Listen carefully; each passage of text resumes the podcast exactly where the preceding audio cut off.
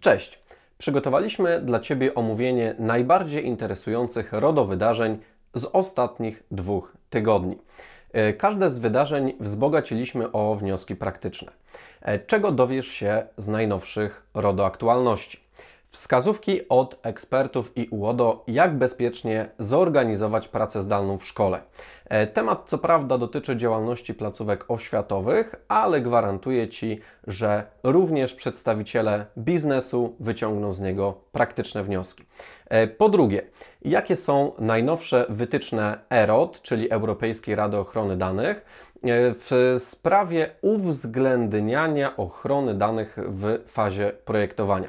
No i wreszcie, po trzecie, ilu mamy inspektorów ochrony danych osobowych w Polsce. No to co? Zaczynamy. Zaczynamy od tematu, który jest wybitnie na czasie w dobie covidowych obostrzeń i lockdownów, czyli od odpowiedniego zabezpieczenia pracy zdalnej. E, w tej sprawie wypowiedzieli się eksperci do spraw ochrony danych, jak i Urząd Ochrony Danych Osobowych UODO. E, tak jak wspominałem we wstępie, ich opinie dotyczyły zorganizowania pracy zdalnej w placówkach oświatowych, ale są one na tyle uniwersalne, że dotyczą każdej innej organizacji czy firmy w Polsce. Po pierwsze, jaki mamy wniosek? UODO dopuszcza UYOD. Nieźle brzmi, prawda? E, już odszyfrowuję skróty. UODO to oczywiście nasz polski Urząd Ochrony Danych Osobowych, a UYOD UJ oznacza Use Your Own Device, czyli bardzo popularna ostatnio praktyka używania sprzętu prywatnego w celach służbowych. E, już widzę radość wszystkich pracodawców słuchających dzisiejszego odcinka. E, no, szykują nam się przecież wielkie oszczędności, nie kupujemy więcej służbowych laptopów i smartfonów, szkoda pieniędzy. E, spokojnie, to nie takie proste. E, po pierwsze, UODO wyraźnie podkreśla, że praktyka wykorzystywania prywatnego sprzętu w celach służbowych powinna być wyjątkiem od reguły. E, może być zastosowana w sytuacji, kiedy pracodawca, np. szkoła, nie ma możliwości, żeby zapewnić sprzęt służbowy, w tym wypadku nauczycielom. E, no bo wyobraźmy sobie przeciętną, niedofinansowaną polską szkołę, która nagle musi zainwestować w laptopy dla 40 nauczycieli. No, nie wiem jak Ty, ale ja sobie tego, no, nawet nie potrafię sobie tego wyobrazić. A co dopiero mówić o realizacji. E, po drugie, obowiązkiem pracodawcy, w tym wypadku dyrektora szkoły, jest zadbanie o to, żeby sprzęt prywatny odpowiednio zabezpieczyć. Czyli, żeby, nie były tam żeby były tam zainstalowane aktualny system operacyjny, e, programy antywirusowe, firewallowe, a zainstalowane na urządzeniu aplikacje pochodziły wyłącznie z bezpiecznych, e, legalnych, zaufanych źródeł. E, dodatkowo pracodawca powinien takiego pracownika odpowiednio przeszkolić i wdrożyć procedury czy instrukcje dotyczące użytkowania prywatnego sprzętu w celach służbowych. Polecam Ci tutaj szczególnie nasz poradnik wideo RODO a praca zdalna. Znajdziesz tam wiele wskazówek właśnie jak odpowiednio zadbać o e, zgodność z RODO pracy zdalnej. Link oczywiście na dole w opisie odcinka. E, po trzecie, odpowiedzialność. Mm, uwaga, uwaga. Odpowiedzialność za ewentualny wyciek danych w sytuacji, kiedy pracownik pracuje na prywatnym sprzęcie, ponosi pracodawca, w tym wypadku szkoła czy przedszkole. E, podsumowując, jeżeli chcesz stosować u siebie UYOD, UJ, czyli Use Your Own Device, mm, no to nie jest to co prawda zakazane, ale pamiętaj, że rodzi to bardzo dużo niebezpieczeństw, no i musisz się bezwzględnie do tego odpowiednio przygotować. Po drugie, Powołanie JODA nie zwalnia z odpowiedzialności administratora danych, czyli w uproszczeniu e, pracodawcy no, za zapewnienie zgodności przetwarzania danych osobowych z RODO. Jest to szczególnie ważne w placówkach oświatowych, w których często funkcjonuje gminny inspektor ochrony danych. Chodzi o to, że dyrektor placówki oświatowej e, no, nie może stać na stanowisku, że nie interesuje go ochrona danych, no bo przecież powołał inspektora, ma inspektora z gminy. E, z perspektywy obowiązków prawnych, no tak to nie działa. Prawo wyraźnie wskazuje, że to dyrektor, czyli admin, przedstawiciel administratora danych, zapewnia zgodność z przepisami ochrony danych. E, chociaż oczywiście J ma w tym zadaniu dyrektora wspierać i na przykład przygotować stosowne klauzule informacyjne czy oświadczenia z zakresu ochrony danych. Kolejny, trzeci wniosek, e, maile głupcze. E, eksperci wskazują, że szczególnym niebezpieczeństwem w toku realizacji pracy zdalnej jest nieodpowiednie korzystanie z poczty e-mail.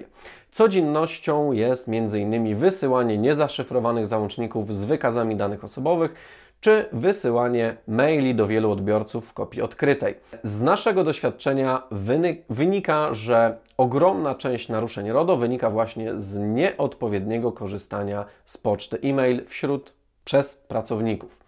Jak to ryzyko zminimalizować? No, po pierwsze, korzystać wyłącznie z komercyjnych, płatnych i sprawdzonych dostawców poczty e-mail, a po drugie, szkolenia, szkolenia i jeszcze raz szkolenia. Przechodzimy płynnie do kolejnej RODO aktualności. Jakie są najnowsze wytyczne EROD w sprawie uwzględniania ochrony danych w fazie projektowania?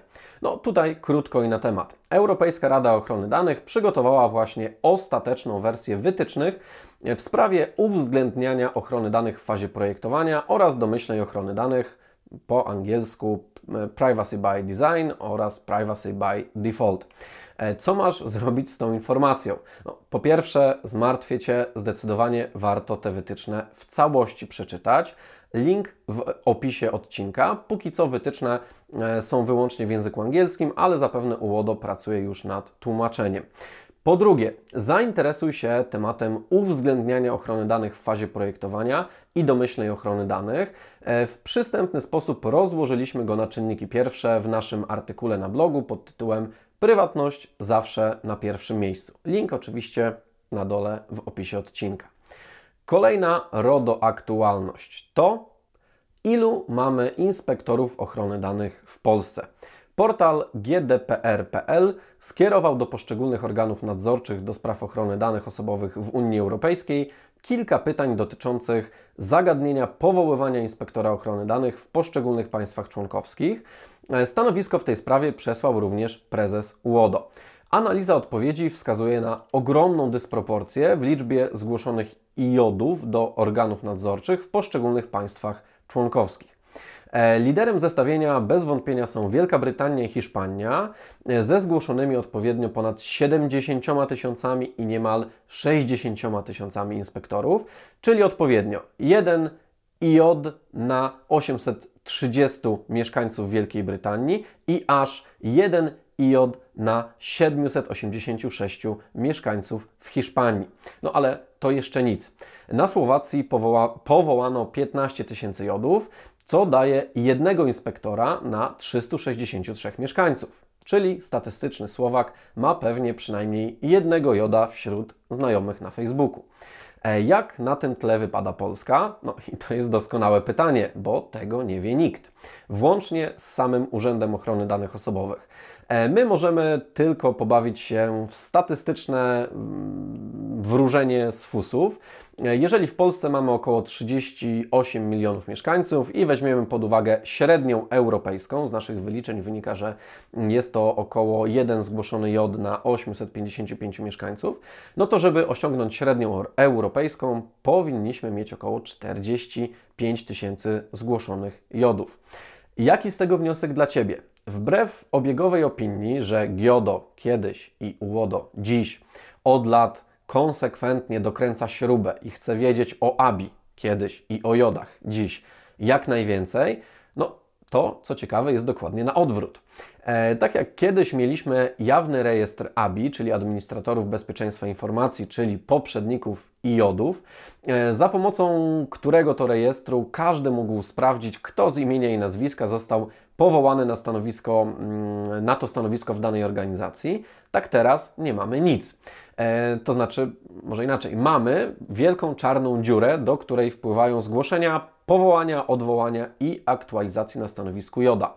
E, dzwoniliśmy w tej sprawie do UODO i poinformowano nas tam z rozbrajającą szczerością, że nie ma co się przejmować błędnie złożonym wnioskiem o powołanie JODA.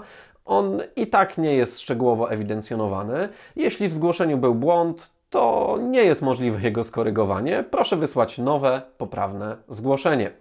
Czyli podsumowując, stosujmy się oczywiście do obowiązku zgłaszania jodów do UODO i naturalnie mm, każdy fakt zgłoszenia aktualizacji czy wycofania joda e, ewidencjonujmy, przechowujmy urzędowe potwierdzenie odbioru u siebie w dokumentacji, ale z drugiej strony nie popadajmy w panikę, że jeżeli jesteśmy już zgłoszonym jodem, no to trafiamy na jakąś czarną listę i każdemu naszemu ruchowi będzie się przyglądał bacznie UODO.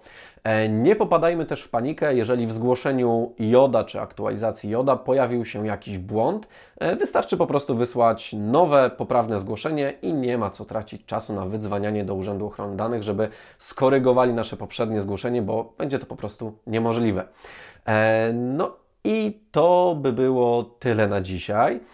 Linki do pełnego przeglądu wszystkich RODO aktualności razem ze źródłami znajdziesz oczywiście na dole w opisie odcinka. E, no a jeżeli chcesz być na bieżąco z RODO, z RODO aktualnościami, zasubskrybuj nasz kanał. O, gdzieś tutaj na dole powinien pojawić się przycisk do subskrypcji. E, no i kliknij w dzwoneczek. Z nami najważniejsze RODO newsy i wnioski z nich płynące na pewno Cię nie ominą. Do zobaczenia.